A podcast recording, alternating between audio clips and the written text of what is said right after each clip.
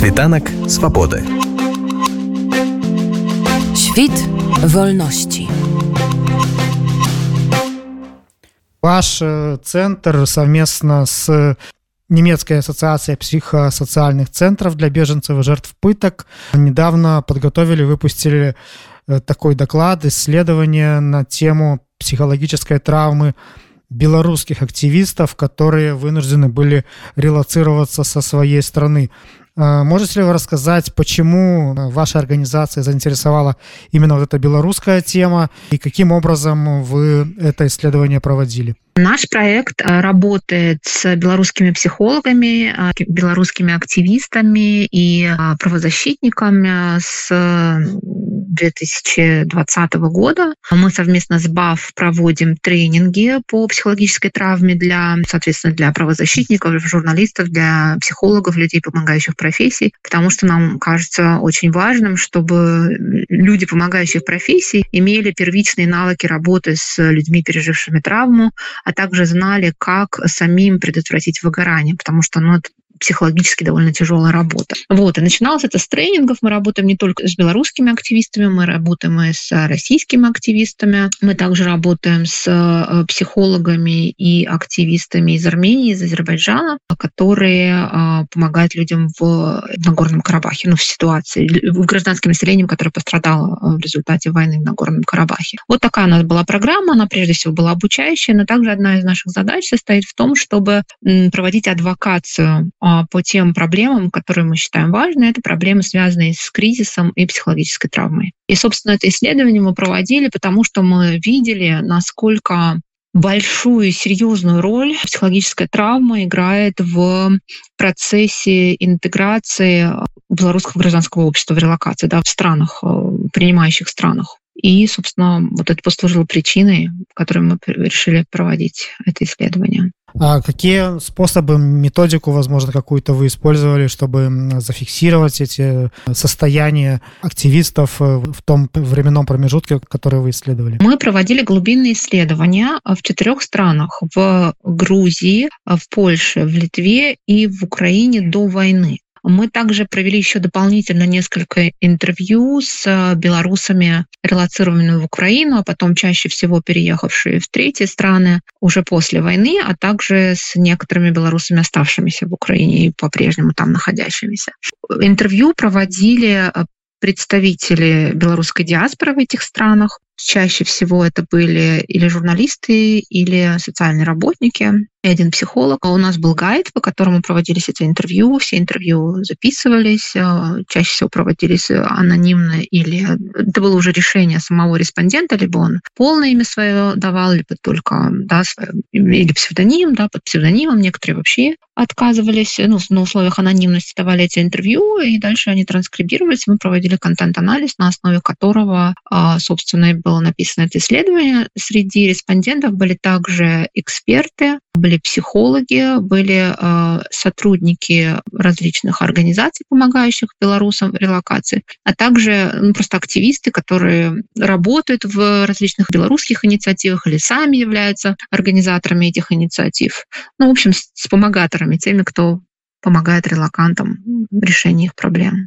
Можете ли вы как-то очертить основные результаты этого исследования, что оно показало, в какое состояние релацировавшихся активистов? Исследование показывает, что люди пережили очень серьезные и глубокие травмы в большинстве своем. И это не просто разовое травмирующее событие, которое им пришлось пережить, а это некоторый процесс, такой процесс последовательной травматизации, начиная с тех событий, участниками которых или свидетелями которых они были в Беларуси. Потом для многих очень травматичным или стрессовым был э, процесс переезда или выезда из Беларуси. Для многих это просто был очень опасный еще процесс. И дальше уже по прибытии э, в принимающие страны, люди тоже сталкивались со многими проблемами. Это, конечно, уже не травма, но это сложности адаптации, с которыми сталкиваются ну, большинство беженцев, э, людей, переезжающих в другие страны. Да, это проблема и с поиском жилья, которое очень сложно найти, особенно многие бежали в период пандемии или с маленькими детьми, с питомцами, да, приходилось переезжать часто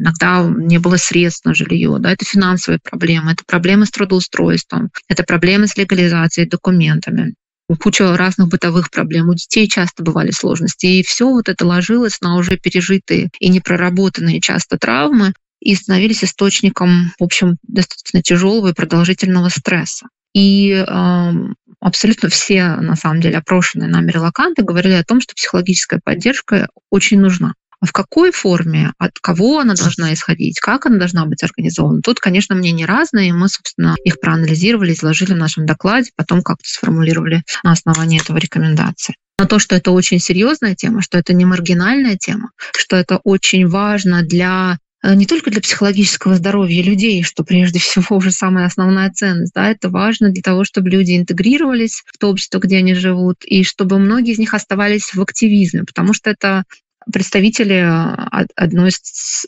такой креативного творческого, да, активного, успешной части, неравнодушной части общества. И при достаточно небольшой поддержке э, люди встают на ноги, достаточно быстро многие восстанавливаются и как-то снова включаются в активизм. Большинство уже а, почти сразу после приезда стали помогать другим белорусам, потом стали помогать украинцам. В общем, наша такой основной рекомендацией является то, что к психическому, психологическому здоровью нужно относиться как к праву человека и как к базовой потребности потребности, что это не маргинальная тема, а это приоритет, на который нужно выделять средства на поддержание психологического здоровья, на психологическое просвещение. И нужно уже при а, разработке каких-то программ изначально воспринимать это как важнейший центральный элемент любых программ там, помощи, развития, поддержки, а не некоторый такой дополнительный, необязательный элемент.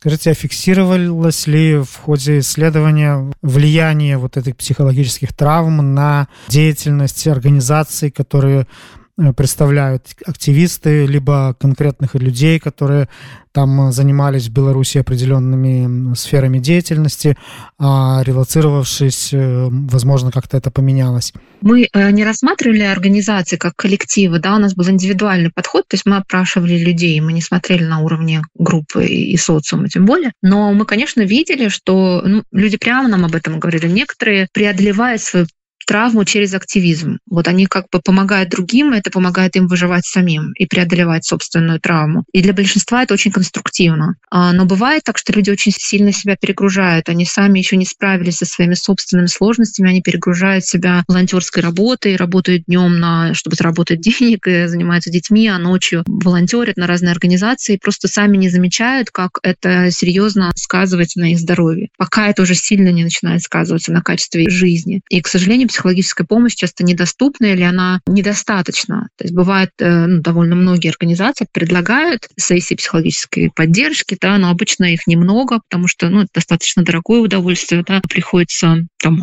две-три сессии, пять сессий приходится менять, обращаться в разные организации, часто менять психолога. На это не хватает сил, времени, да, и, ну, в общем, люди тоже не готовы часто бывает рассказывать свою историю с самого начала по нескольку раз. Ну и просто это слишком сложно становится, и люди не прибегают к этой помощи, пока им не становится ну, уже совсем тяжело, пока их вот эти психологические непроработанные а, проблемы не начинают сильно сказываться и на их семейные отношения, нередко на способность функционировать в профессиональной сфере, на их желание и способность дальше заниматься активизмом. Многие прямо говорили, у меня нет больше сил и ресурса заниматься активизмом. Некоторые разочарованные, они видят, что ситуацию никак не изменить, и, по крайней мере, еще очень долго, и если ты ничего не можешь поменять, то лучше, наверное, вообще этой темы пока не касаться. Вот, реакции очень разные, сколько людей, столько реакций, мы попытались как-то систематизировать их, это вы тоже сможете прочесть в докладе. Насколько востребовано реально вот э, есть спрос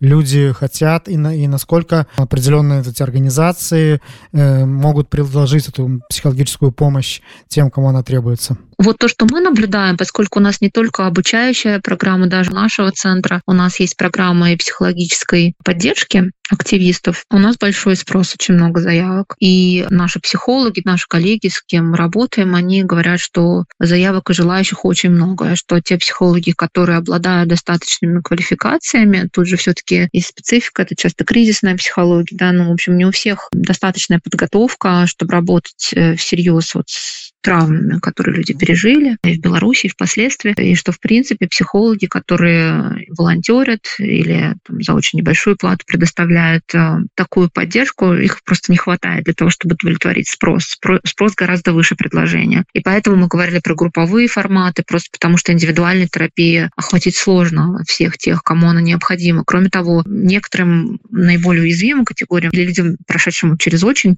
тяжелые травматические события, им нужна глубинная терапия да, там 10 сессий недостаточно. Иногда нужно работать полгода, иногда, может быть, нужно работать дольше. Это, конечно, не так просто организовать. Но, тем не менее, достаточно много инициатив и организаций, которые предлагают а, психологическую помощь. И мы обращаемся в том числе к фондам а, с просьбой поддерживать эти организации, с просьбой выделять больше средств а, да, и каких-то возможностей для того, чтобы и поддерживать психологов, и тренингами, да, и каким-то обменом опытом, и просто поддерживать возможность возможность э, бесплатной терапии для активистов, в том числе долгосрочной, в том числе для бывших политзаключенных и членов их семей. Да, там ну, недостаточно трех сессий, когда человек пережил такой э, серьезный травматический опыт. Вот, мы пытаемся, исходя из проанализированных нами интервью, предложить какие-то меры по ну, более эффективной организации такой помощи, по верификации там, тех же специалистов, по а, более аккуратной работе с персональными данными, да, для того, чтобы было больше доверия, в том числе у людей. Они часто не знают, куда они обращаются обращаются, появляется там телеграм-канал, какие-то боты, которые предлагают психологическую помощь, но тут важно, чтобы это было безопасное пространство, чтобы это был квалифицированный, опытный психолог. Часто важно, чтобы психолог знал белорусский контекст, потому что в некоторых программах бывают опытные психологи, но, но нам об этом, по крайней мере, рассказывали наши респонденты, что психолог не знает э, белорусского контекста, приходилось все объяснять заново, а люди прямо говорили, у меня нет сил все это рассказывать психологу. И психологи тоже некоторые делились тем, что им приходилось просто даже брифинги проводить коллегам, которые ну, не в теме, грубо говоря, потому что ну, это важно, чтобы психолог понимал, о чем идет речь. Все не объяснишь в рамках терапевтической сессии. Ну, например, мы тоже объясняем, когда из того, что нам, да, со слов специалистов, которых мы опросили, и самих людей, когда предлагать эту помощь. Вот когда релакант только приехал, часто эта помощь предлагается ну, как бы вот в пакете такой welcome, ну, когда человек только приезжает, такой первичный пакет при переезде, да, там несколько сессий психологической поддержки, но обычно в это время воспользоваться реально этой помощью человек не очень в состоянии, потому что у него другие вызовы в этот момент. Ему нужно организовать как-то свою жизнь, жилье, да, там решить проблемы с детьми, со школой, с работой. Он пока еще не может заботиться о себе. А вот момент, когда уже это очень нужно, и на это уже как-то чуть-чуть появляется время, наступает там через 4-5 месяцев, через 6 месяцев, и часто уже программа уже не работает в этот момент, а этого уже предложения нет, потому что человек уже релацирован какое-то время назад. Вот, ну вот какие-то такие вещи, которые мы, исходя из собственного опыта, исходя из опыта других организаций, которыми да, специалисты с нами поделились, мы пытались это систематизировать. Надеемся, что это будет полезно тем, кто работает в этой сфере. Светанок свободы.